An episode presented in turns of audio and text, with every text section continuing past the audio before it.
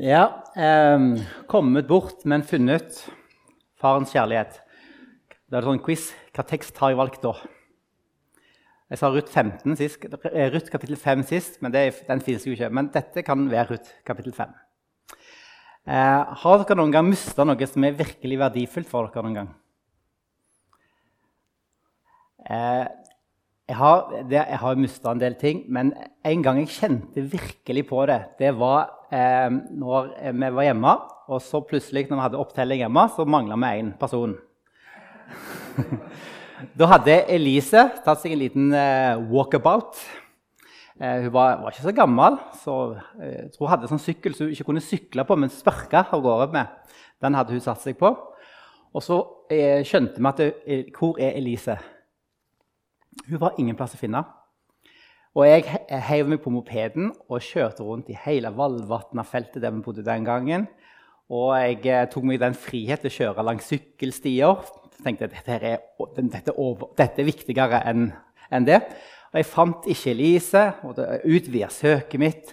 Elise var ikke å finne noen plass. Hvordan tror dere jeg hadde det inni meg da? Åh, Det var en fæl følelse. Så utveien var jeg oppe heiende rundt omkring. Og så etter en stund så ringte telefonen. Ja, Det var fra barnevernet. Da tenkte jeg, Det er dårlig tegn når barnevernet ringer. Og det, da sier jeg bare, bare slapp av. Vi har ikke lagt noen mapper på dere på den pga. dette. det var beskjed. Nei, Da var det politiet som hadde ringt til barnevernet fordi det var en med Downs syndrom som hadde blitt funnet på heiene. Det var Lise. Så etter to timer eh, så kom det ei kjempeblid jente sittende bak i en politibil med perlebrus i hånda, smilende og så fornøyd. Tror dere jeg kjefta, eh, skikkelig på henne da? Nei, jeg var jo så glad. Endelig. Politiet derimot, de mente at jeg kunne ringe til politiet litt tidligere neste gang. Så eh, teksten i dag eh, handler nettopp om det, det å, å, være borte og bli funnet igjen. Og det er tatt fra Lukas kapittel 15. Og det er på en måte en litt, eh, sånn, eh, en, måte litt krevende tale over et kapittel som sikkert mange har lest mange ganger. Og det handler altså om den, det som ofte på norsk kalles for 'den bortkomne sønn'. På engelsk in English 'the prodigal son'. Eh, burde hatt på engelsk òg. Miriam, kanskje du bør oversette? Eh, så, eh, men kanskje det er noen detaljer her som eh, vi kan se på. Kanskje det er noen ting vi kan oppdage som vi ikke har sett før. Eh, denne fortellingen er jo ikke noe Jesus bare fortalte isolert sett. Den er en fortelling av tre fortellinger. Og grunnen til at Jesus fortalte disse fortellingene, det er som jeg må skru den på Sånn. Der kom han. Det er fordi at det, står i begynnelsen av kapittel 15 Alle tollere og syndere holdt seg nær Jesus for å høre ham. Fariseerne og de skriftlærde klaget og sa denne mannen tar imot syndere og spiser sammen med dem.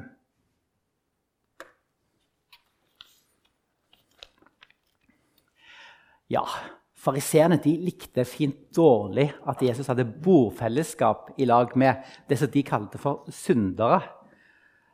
Og Hvem er disse synderne, egentlig? Vel, for, eh, det er sånn at fariseerne de følte Eller de, det tyder på at de, at de kanskje så på seg sjøl som eh, litt, de var de rettferdige. Sant? Det var de som eh, var elska av Gud. Eh, kanskje, litt, kanskje, vi ikke skal tegne så sort-hvitt bilde, for det var nok kanskje ikke sånn at alle fariseerne var på den måten, men det var en del ting hos fariseerne som ikke var så bra. Vi får et eksempel på dette med de to som gikk opp til tempelet for å be. Og Husker dere hva fariseeren han var en av dem? Og så var det en toller. sånn andre. Og Fariseeren han sa, 'Gud, jeg takker deg for at jeg ikke er som andre syndere, tyver, rettferdige, ekteskapsbrytere eller som denne tolleren.'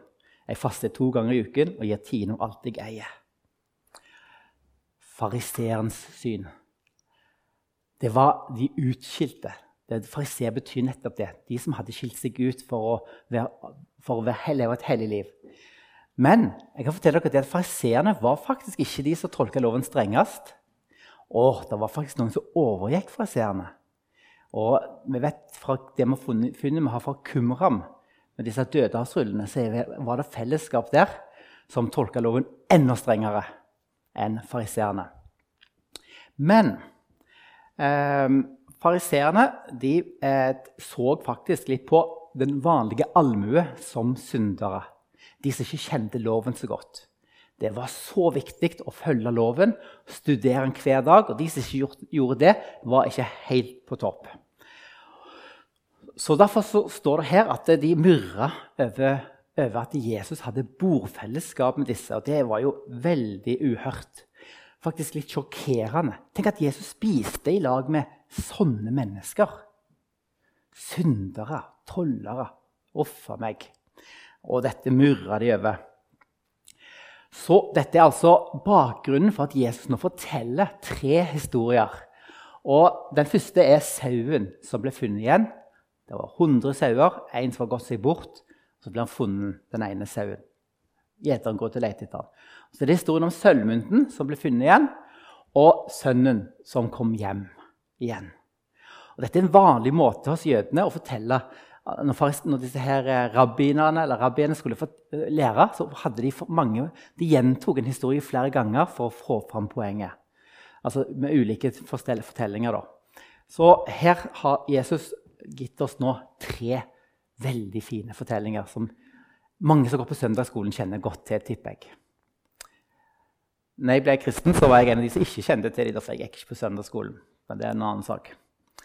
Vel, eh, når vi leser denne historien, og vi skal ta oss og gå gjennom teksten med den, det som vi kaller for den bortkomne søndag, så er jeg litt redd for at vi er blitt så vant med fortellingen, og at vi leser den med vestlige øyne, individualistiske øyne, og at vi ikke blir sjokkert, sånn som de som hørte den første gang, ble. For jeg tror at de må være fra seg av sjokk over det Jesus forteller. Og da skal vi se. Det er tre akter i denne fortellingen. Akt 1 den starter hjemme hos en familie. Jesus sa en mann hadde to sønner. Den yngste sa til faren, 'Far, gi meg den delen av formuen som faller på meg.' Han skiftet så da sin eiendom mellom dem. Første sjokk kommer her en sønn, den yngste sønnen her, han ber om arven sin. Er dere klar over det?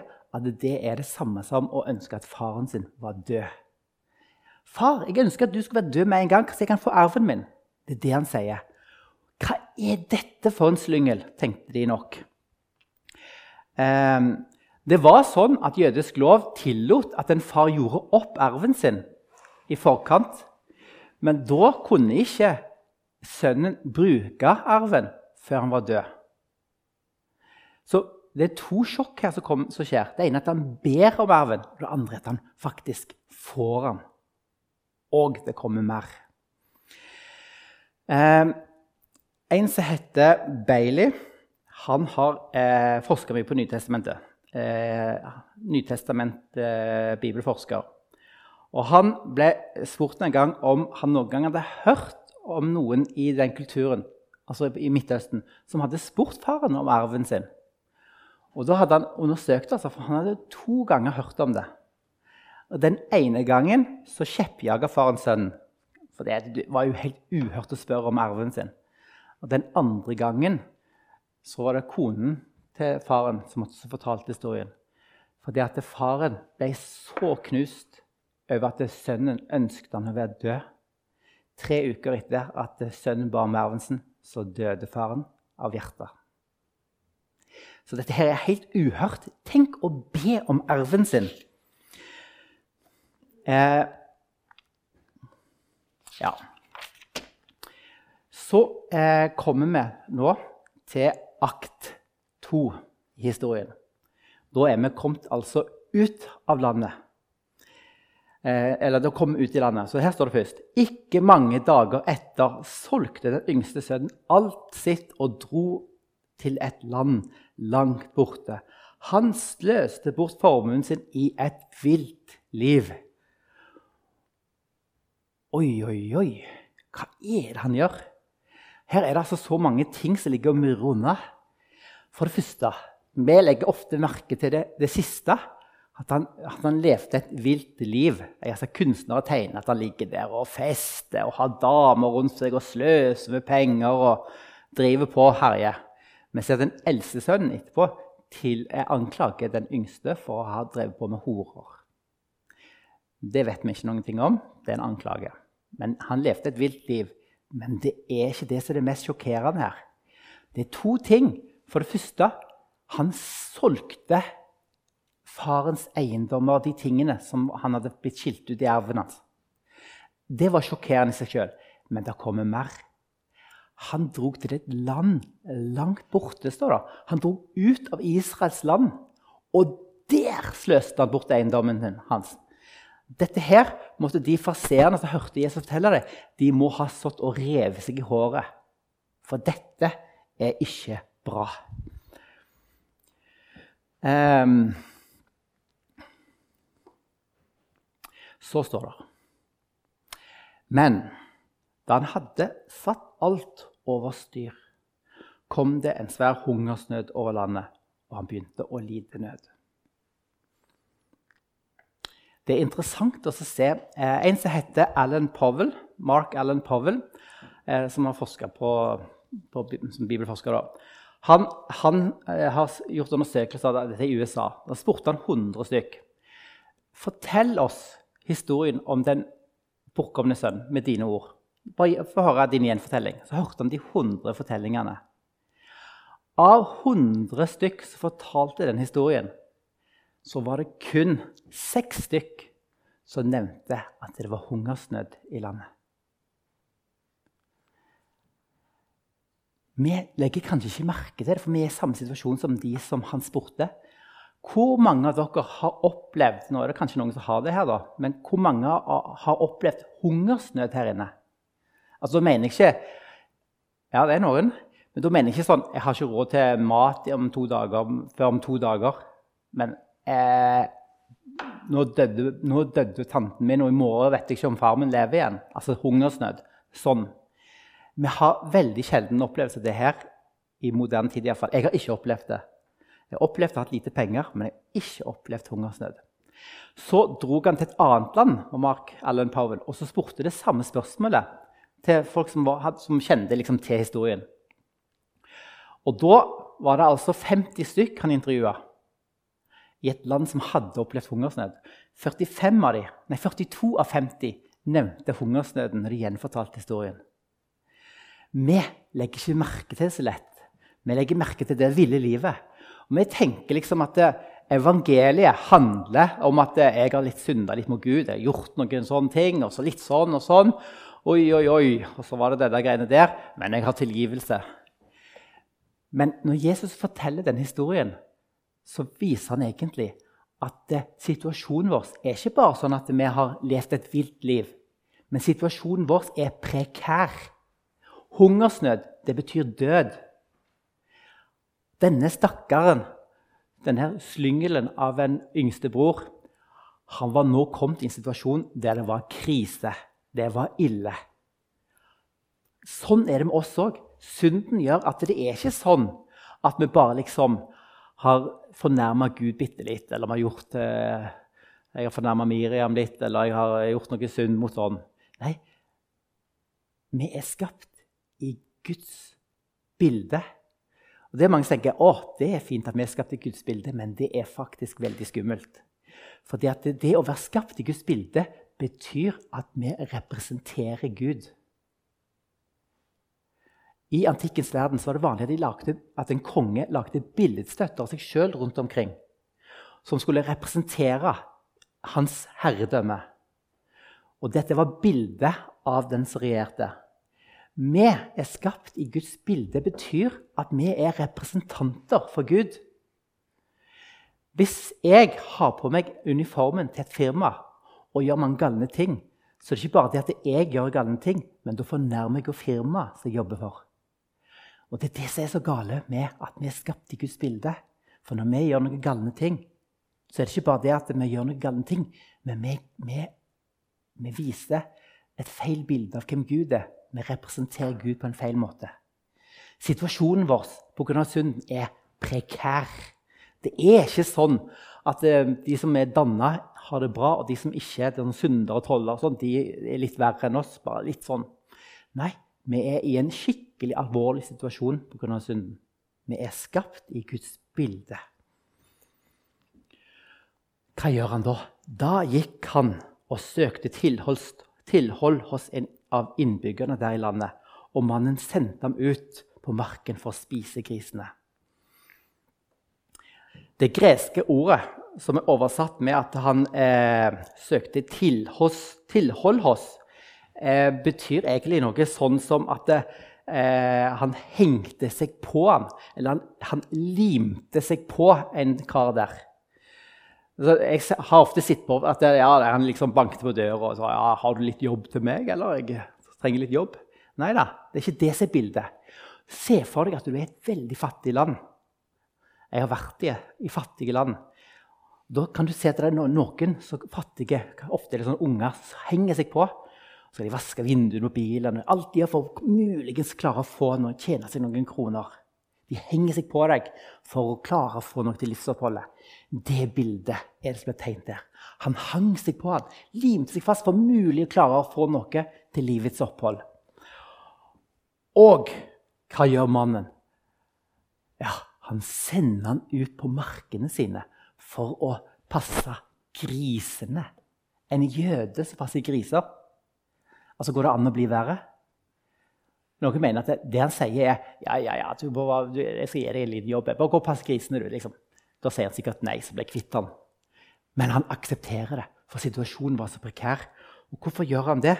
Jo, han ønskte bare å mette seg med de belgfruktene som grisene åt, og ingen ga han noe.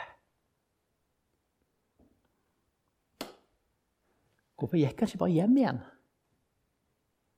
Hallo, Vi tenker ja, ja, det gikk dårlig. det der. Kan han ikke bare dra hjem igjen? Han kommer jo til å gjøre det, da. Men hvorfor? hva er det som holder han igjen?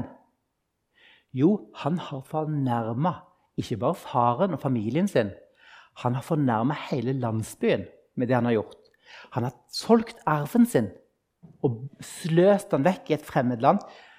I antikkens verden var det faktisk en skikk, en, en, en sånn liturgi eller en slags, for sånne som han. De, de kalte det for ketsassa. Altså en, en, sånn rituale. Når folk hadde gjort noe sånn gale ting som å, å fornærme noen sånn at de tapte ansikt, så hadde de en ketsassa-seremoni. Det, det, gjorde de på følgende måte at nå, den personen som hadde gjort dette Vi vet fra uh, ulike kilder at et eksempel er hvis noen gifta seg med noen som de ikke skulle gifte seg med. Sånn var det i den kulturen. Så gjorde de denne rutinen.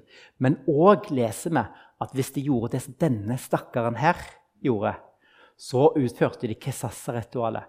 Da tok de ei krukke, og så når, de, når denne slyngelen kom, så knuste de krukka som et tegn på at du er kutta ut av hele fellesskapet vårt. Vi vil ikke ha noe med deg å gjøre.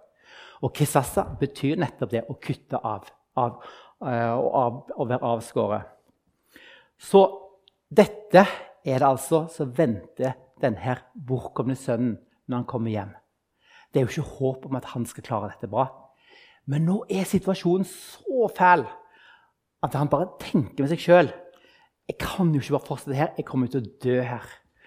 Da står det Da kom han til seg selv og sa Hvor mange leiekar hjemme hos min far har ikke mat i overflod? Men jeg går her og sulter i hæl bokstavelig talt. Jeg vil bryte opp og gå til min far og si, 'Far, jeg har syndet mot himmelen og mot deg.' 'Jeg fortjener ikke lenger å være sønnen din, men la meg få være som en av leiekarene dine.' Dermed brøt han opp og dro hjem det er faren.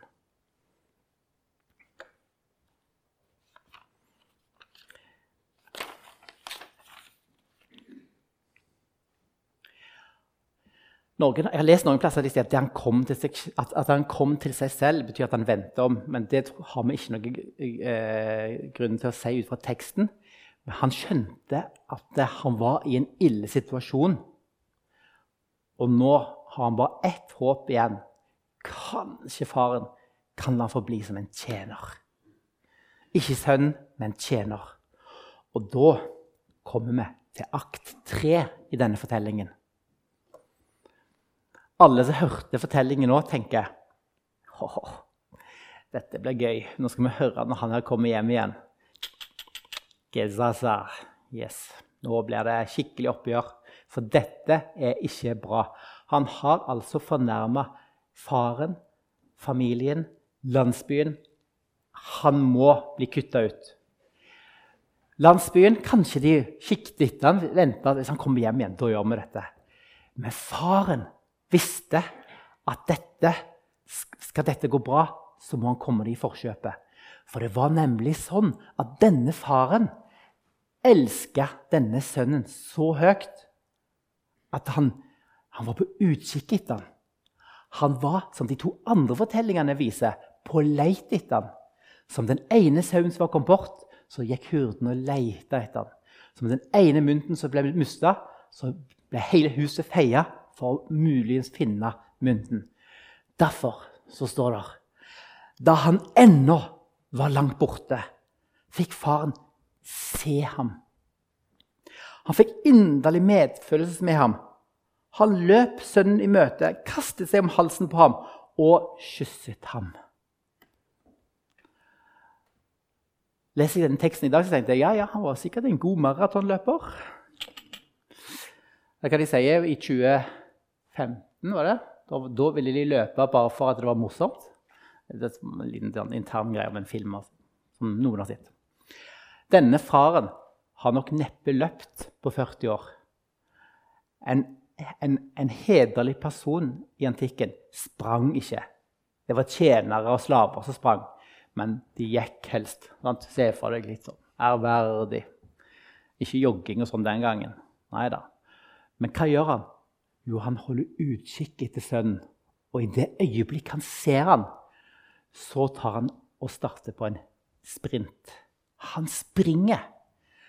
Og det som er greia nå, det at de som vil observere ham, de tenker at det, han ydmyker seg. Faren ydmyker seg nå for å kunne berge sønnen. Han må komme sønnen i forkjøpet før landsbyen. For hvis landsbyen ser han, kan vi ikke vite hva som ville skjedd. Faren springer han i møte, og hva gjør han? Han kaster seg om halsen og kysser han. Inderlig kysser han. Og dette er altså så utrolig sjokkerende. Denne slyngelen Faren elsker han. Han elsker han på tross av det opprøret han har gjort. Og Så hopper han, springer av gårde, kysser han. Kyssing, Noen tenker at det er et tegn på forlikelse. I hvert fall viser det du er nå fred med venner. Og hva gjør han? Jo, så tenker sønnen nå må jeg begynne med omvendelsestalen min til faren. Sønnen sa, 'Far, jeg har syndet mot himmelen og mot Gud.' Eh, himmelen og mot deg.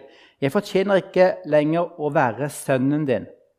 Og så stopper faren han der. For denne omvendelsestalen var lenger. Vi har jo lest den tidligere. Far, jeg har syndet mot himmelen. Når vi leser Matteusevangeliet, så skjønner vi at himmelen blir ofte brukt som himmelrike istedenfor Guds rike. Så ordet 'himmelen' kan være altså, Han har synda mot Gud. Nå kan tenke seg det betyr. Han har synda mot Gud og mot deg. Jeg fortjener ikke lenger å være sønnen din. Ja, Fortjente han å være sønnen hans? Nei. Han hadde jo allerede blitt avskåret. Han hadde jo ønska at faren var død. Han hadde jo et opprør. Fortjente han å være tjeneren hans? Nei. Men han håpte kanskje faren ville vise ham såpass nåde at han kunne være tjeneren hans. Men faren sa til tjenerne sine.: Skynd dere, finn fram de fineste klærne og ta på ham. Gi ham ring på fingeren, sko på føttene og hent gjøkalven og slakt den. Så vil vi spise og holde fest. Sønnen får altså ikke fullført omvendelsestalen sin. Faren avbryter han, og så får han nye klær. Han får en festdrakt. Han blir akseptert. Han får ring på fingeren. Det kan tolkes som et tegn på tillit. Og han får sko på føttene. Og det betyr at han skal ikke være tjeneren eller slaven. Han er sønnen hans. Slaver var ofte fattige eller tjenere, så det var ikke vanlig at alle hadde sandaler. Men her får han det, for han er akseptert nå som sønnen hans. Han er sønnen. Og hva skjer da? Jo, for denne sønnen min var død og er blitt levende. Han var kommet bort og er funnet igjen. Og så begynte festen og gleden.